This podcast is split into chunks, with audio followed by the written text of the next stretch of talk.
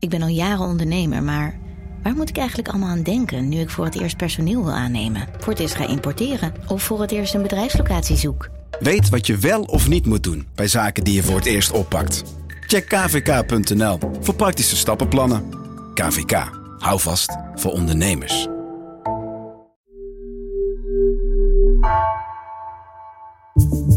Vanaf de redactie van NRC het verhaal van vandaag. Mijn naam is Gabriella Ader.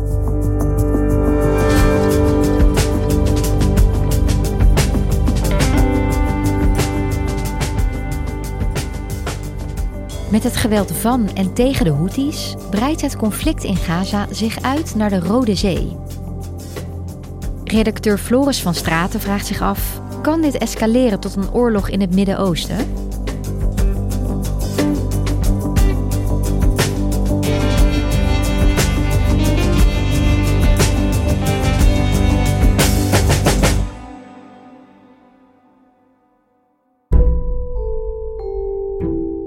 Afgelopen dinsdag voer het Griekse vrachtschip Sografia, een schip van zo'n 56.000 ton, ten noordwesten van Jemen door de Rode Zee. Dat is een zee die tussen Saudi-Arabië en Egypte ligt en aan de noordzijde wordt afgesloten door het Suezkanaal, dat weer de verbinding vormt met de Middellandse Zee. Het is een buitengewoon belangrijke strategische route die zo vanaf Jemen tot aan het Suezkanaal voert, waar zo'n 15% van de wereldhandel in goederen langs plaatsvindt. Het Griekse vrachtschip, dat onder de Maltese vlag vaart, komt net uit Vietnam en koerst richting Israël. Dat is een reis die normaal zo'n twee weken in beslag neemt. Het schip rijdt door het water en de 24 bemanningsleden zien dan tot hun schrik voor de derde keer in 24 uur iets door de lucht vliegen en op zich afkomen. Die derde keer wordt het schip ook daadwerkelijk geraakt door een raket van de Houthis. Houthi rebels targeted an empty Malta-flagged ship, which resulted in a direct hit on the vessel. The Greek shipping ministry has said it was uh, a Greek-owned a ship called the MT Zografia, sailing from Vietnam to Israel. Die beschieting door de Houthis van dat Griekse schip is een reactie op de bombardementen van een paar dagen daarvoor op Jemenitisch grondgebied. Van de Amerikanen en de Britten die vorige week zijn begonnen op lanceerinstallaties van de Houthis voor hun raketten.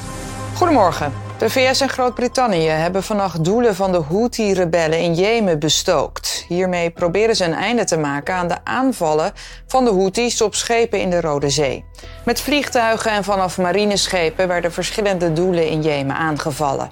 Onder meer in de hoofdstad Sanaa. De Houthis die zijn al langere tijd bezig met aanvallen op schepen omdat ze op die manier hun solidariteit willen betuigen met Hamas en met de Palestijnen die tegen Israël in de Gazastrook vechten. En die bombardementen en beschietingen die dreigen rondom het conflict Israël en Palestina een nog grotere oorlog in het Midden-Oosten te veroorzaken met spelers vanuit de hele wereld. Wie zijn die Houthis eigenlijk?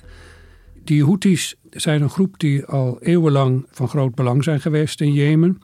Ze vormden eigenlijk een soort kaste die dan ook juist in dat noorden van Jemen de regering in handen had. Maar uh, in de loop van de 20e eeuw zijn ze die rol weer grotendeels kwijtgeraakt. En toen zijn ze eigenlijk gedegradeerd tot een, een groep van ja, strijders die zich in de bergen hadden verschanst en van daaruit probeerden terug te vechten. Ze zijn ook in religieus opzicht een aparte groep. Ze hangen het Zaidi-geloof aan. Dat is een variant van de Shiïtische islam die ook in uh, Iran vooral wordt uh, beleden. En dat heeft ook een band met Iran geschapen die er ook toe heeft geleid dat de betrekkingen tussen beide groepen, tussen Iran en tussen de Houthis, veel nauwer zijn geworden door de jaren heen. En met een vrij kleine groep zijn ze altijd blijven doorvechten om de macht te heroveren in de hoofdstad Sanaa. Rebellen in Jemen hebben verschillende overheidsgebouwen bezet. Er werd gisteren een bestand gesloten, maar het is niet duidelijk of de rebellen zich daaraan houden. De afgelopen dagen vielen meer dan 100 doden in de jemenitische hoofdstad Sanaa. Sjiïtische rebellen vochten er met Soenitische aanhangers van de regering. Om een einde te maken aan de strijd is de premier dit weekend afgetreden. Rebellen hebben nu zijn kantoor bezet en ook een militaire basis en het gebouw van de staatstelevisie. De Houthis hadden uiteindelijk succes met hun strijd en wisten in 2014 de hoofdstad Sanaa toch weer te heroveren, tot veler verrassing. Waarbij ze dan in totaal ongeveer twee derde deel van de bevolking onder hun gezag wisten te brengen. En tot schrik ook van Saoedi-Arabië, het buurland, dat veel liever de verdreven regering uh, aan het bewind zag blijven. En de Saoediërs hebben vervolgens ook een coalitie opgezet om de regering toch weer in het zadel te helpen, de verdreven regering, en de Houthis op hun beurt te verdrijven. Maar dat lukte absoluut niet. De Houthis zaten daar stevig in Sanaa en zijn daar ook in geslaagd om daar al die jaren van de uitputtende oorlog die er geweest is aan de macht te blijven. Dus voor, de Houthis stond eigenlijk altijd hun strijd voorop. En het uh, welzijn van de bevolking was van volkomen ondergeschikt belang. Die raakte hoe langer hoe meer in een enorme voedselcrisis verzeild, waardoor Jemen eigenlijk de afgelopen jaren bekend stond als het grootste humanitaire noodgebied ter wereld. Bij die strijd probeerden ze ook uh, zoveel mogelijk jongeren al te betrekken.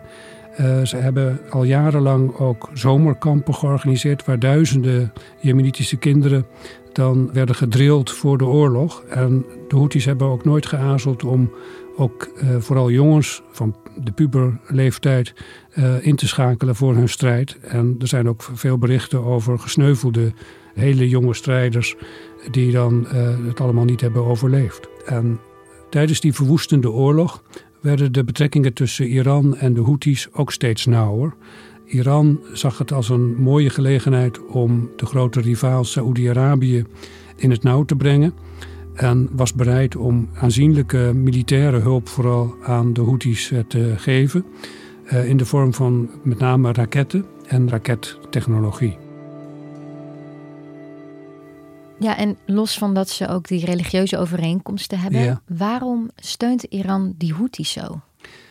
Voor Iran is het ook handig om uh, groeperingen te hebben als de Houthis, die dan het Westen, maar ook sommige Arabische landen af en toe aanvallen daarop uitvoeren en soort speldenprikacties tegen die landen ondernemen, zodat ze niet zelf daar direct bij betrokken zijn, maar ondertussen wel het leven ongemakkelijker maken voor hun tegenstanders, voor hun vijanden, voor Amerika met name, Israël en ook sommige westerse landen.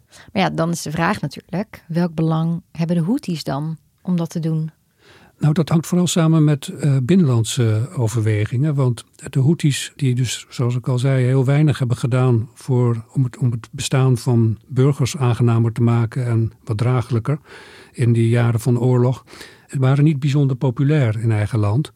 Maar wat wel altijd erg leeft bij Jemenieten, en dat wisten de Houthis, is solidariteit te betonen met de Palestijnen. En toen dus op 7 oktober de oorlog uitbrak tussen uh, Israël en Hamas, uh, kozen de Houthis meteen partij voor Hamas. En daarmee waren ze een van de weinige organisaties in het Midden-Oosten die dat openlijk deden. En dat heeft ook in Jemen zelf tot enorm een golf van, van enthousiasme geleid.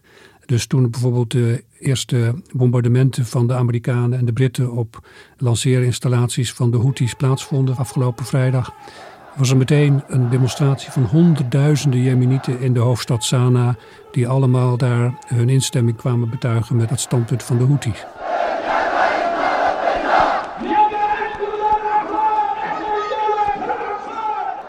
Dus het gaat hen echt, hè? het gaat de Houthis echt om die sympathie van hun eigen bevolking te ja, krijgen. het is, een, het is een makkelijke manier voor de Houthis om weer in de gunst te raken van de eigen bevolking en ook van de Arabische wereld als, als geheel.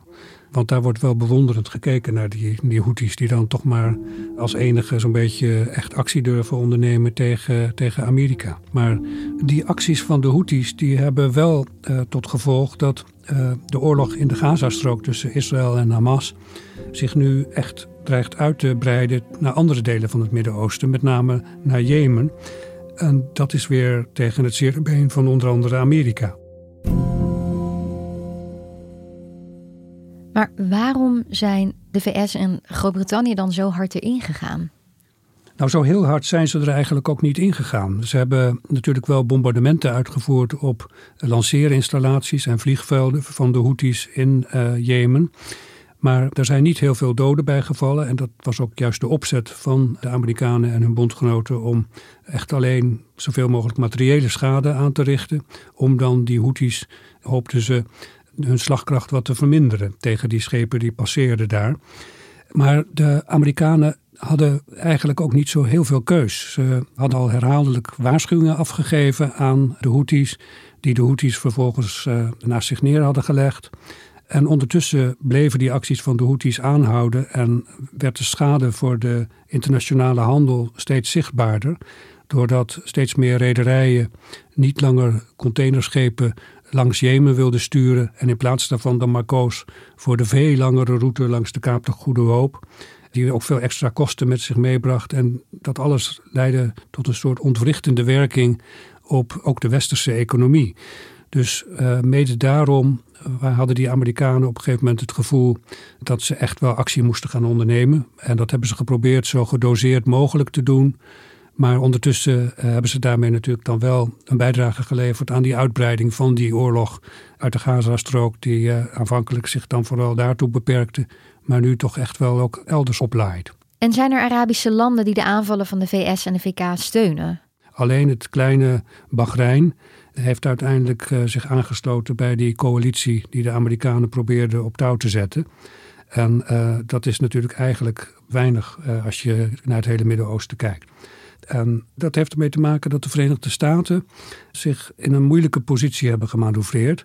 Die hebben vanaf het begin van de oorlog op 7 oktober zich pal achter Israël gesteld. En dat was aanvankelijk begrijpelijk, omdat er veel sympathie ook voor Israël was na het bloedbad dat Hamas daar in Zuid-Israël had aangericht. Maar naarmate er veel meer doden begonnen te vallen in de Gazastrook, in de weken daarna werd die houding steeds problematischer, die opstelling van de Amerikanen. Want uh, de meeste Arabische landen willen daarom niet meer aan de kant van de Amerikanen meevechten tegen bijvoorbeeld de Houthis. Wat ze onder andere omstandigheden misschien wel zouden hebben gedaan, maar nu, nu het om de Palestijnen gaat, een onderwerp dat in de hele Arabische wereld bijzonder gevoelig ligt, hebben ze daar geen trek meer in. Ja, want hoe staan die andere landen rondom de Rode Zee dan tegenover dit conflict? Nou, die hebben allemaal uh, andere belangen die ook voor hen uh, zwaar wegen. Egypte heeft natuurlijk uh, aan de ene kant is er zeer bij gebaat dat de scheepvaart vrij kan blijven bewegen door die Rode Zee. Want die passeren dan het Suezkanaal, waar Egypte heel veel geld aan verdient van ouds. Maar omdat ze weten, de Egyptische machthebbers, met name generaal Sisi, dat de bevolking in Egypte ook sterk op de hand is van de Palestijnen en, en Hamas en tegen Israël wil Egypte zich toch niet openlijk scharen achter deze Amerikaanse acties tegen de Houthis bijvoorbeeld, die dus zeggen op te treden uit solidariteit met de Palestijnen en Hamas. En datzelfde geldt eigenlijk in zekere zin voor Saudi-Arabië, het andere belangrijke land aan de Rode Zee. Dat heeft dan daarbij nog een andere reden. Namelijk dat Saudi-Arabië eigenlijk af wil van de oorlog waarin ze nog steeds officieel verkeren met de Houthis. En de Saoediërs willen nu eigenlijk liever een vredesverdrag met de Houthis. En daar was al lang over onderhandeld en het lag al min of meer klaar. Maar uiteindelijk is het nog steeds niet ondertekend door de Houthis. Ook omdat die nog steeds op meer concessies van Saudi-Arabië hopen. Maar Saudi-Arabië wil op dit gevoelige moment dus ook liever de Houthis niet voor het hoofd stoten als het niet direct nodig is. Dus als ik het goed begrijp, houden de meeste landen zich afzijdig nu in beide conflicten? Ja, als je kijkt naar die Arabische wereld, dan zie je dat ook juist Egypte en Saudi-Arabië, maar dus ook de Verenigde Staten, uh, in geen geval willen dat dit tot uitgroeit tot een regionaal conflict in het hele Midden-Oosten. Ze willen echt proberen om het te beperken tot de Gaza-oorlog. Ja, dat, uh, dat begrijp ik. Dat willen de VS en die landen rondom de Rode Zee niet. Maar hoe groot is de kans dat het toch gaat gebeuren nu? Wat verwacht jij? Nou, we weten natuurlijk nooit helemaal zeker hoe die uh, dingen lopen. Maar alles wijst er toch nog steeds op dat uh, niet alleen Saudi-Arabië, Egypte en de Verenigde Staten, maar ook Israël en ook Iran uiteindelijk toch niet uit zijn op een groter conflict. Een echte oorlog die het hele Midden-Oosten in, lichte laaien zou zetten omdat dan ook de gevolgen voor alle partijen toch behoorlijk catastrofaal zouden kunnen zijn. De Amerikanen hebben bijvoorbeeld zelf ook voor wat betreft uh, de Houthis en Jemen onderstreept dat ze in geen geval willen dat er een echte oorlog in Jemen, waarbij de Amerikanen een grote rol zouden gaan vervullen, zou tot stand komen. En tegelijkertijd hebben de Amerikanen ook Iran gewaarschuwd, eh, weten we uit diplomatieke bron, om vooral niet acties te ondernemen die als een escalatie zouden kunnen worden gezien. Want dan zullen de Amerikanen ook niet aarzelen om keiharde tegenmaatregelen te nemen tegen Iran. En Iran weet dat er Amerika natuurlijk wat dat betreft heel wat in zijn arsenaal heeft en dat ze echt op moeten passen. Maar ondanks die overwegingen valt natuurlijk niet helemaal uit te sluiten dat sommige van die speldenprikacties, waar bijvoorbeeld de Houthis dan veel van gebruik maken, maar die je ook wel hier en daar elders al ziet in het Midden-Oosten, dat die toch zullen worden opgevat als een provocatie die een nog weer veel harder antwoord van uh, de aangevallen partijen uh, vergt. En dan zou natuurlijk zo'n confrontatie toch makkelijk uit de hand kunnen lopen. En voor je het weet heb je dan wel degelijk die escalatie die iedereen eigenlijk liever zou vermijden. Over speldenprikjes uh, gesproken. Hoe mhm. is het afgelopen met het Griekse schip dat werd beschoten door de Houthis?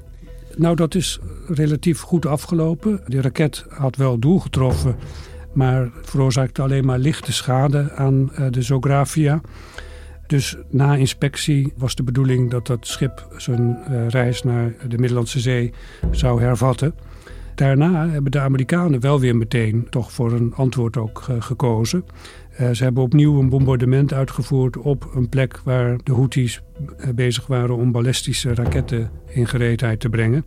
En die zijn daarbij vernietigd, vier stuks.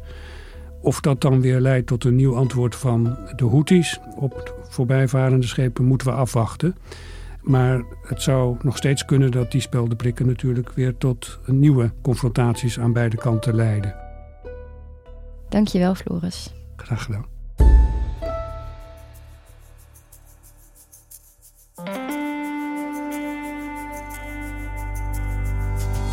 Je luisterde naar vandaag, een podcast van NRC. Eén verhaal, elke dag.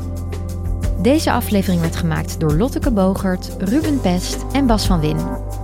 Coördinatie Henk Ruigrok van de Werven. Dit was vandaag, morgen weer.